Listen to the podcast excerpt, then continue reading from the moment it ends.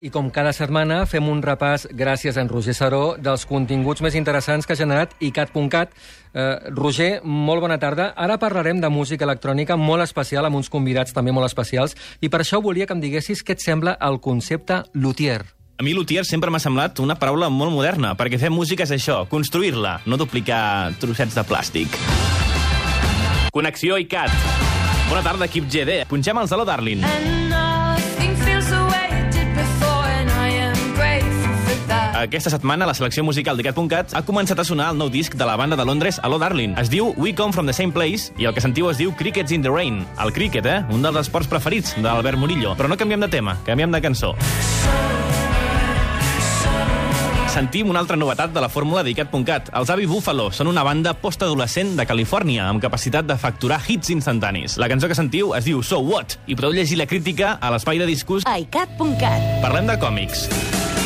Segur que tots coneixeu el dibuixant valencià Paco Roca, l'autor del còmic Arrugues, sobre l'Alzheimer i el final de la vida. Doncs en Paco també té el seu vessant humorístic i el plasma en les seves tires biogràfiques on es dibuixa a ell mateix tal i com és. Un home que es passa la vida a casa dibuixant en pijama. La verdad es que sí, que yo creo que acabo contando demasiado de mí. Yo creo que también debe ser porque, claro, un autor de cómic, al igual que un escritor, sale poco de casa. Entonces acabas hablando de lo que más conoces y cuando tus vivencias, además, son de una forma tan indigna como en pijama, pues bueno, la cosa ya, ya está hecha. Lo que para ti son tus excentricidades, tu- tus fobias y demás, te das cuenta de que son las de todo el mundo. En Danzas de un hombre en pijama el publica l'editorial Estiberri. Entrevista sencera a icat.cat barra Cabaret elèctric. cinema. Yo estoy describiendo una realidad. ¿no? ¿Dónde está la violencia?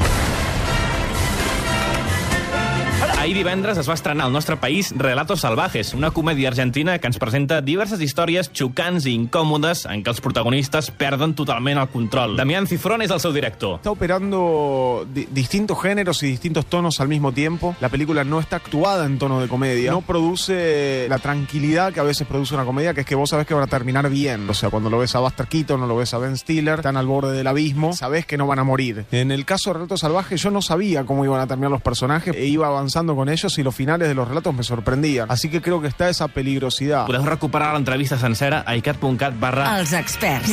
L'alternativa és anar al cine a veure La distància, la nova pel·lícula de Sergio Caballero. Després de Finisterrae, el codirector del Festival Sonar estrena La distància. Un pagès de Crimea emigra a Sibèria a buscar una vida millor en una mina i amb la caiguda del comunisme fa una jugarreta per convertir-se en propietari de la mina. També té una obsessió pels ovnis i per robar peces d'art.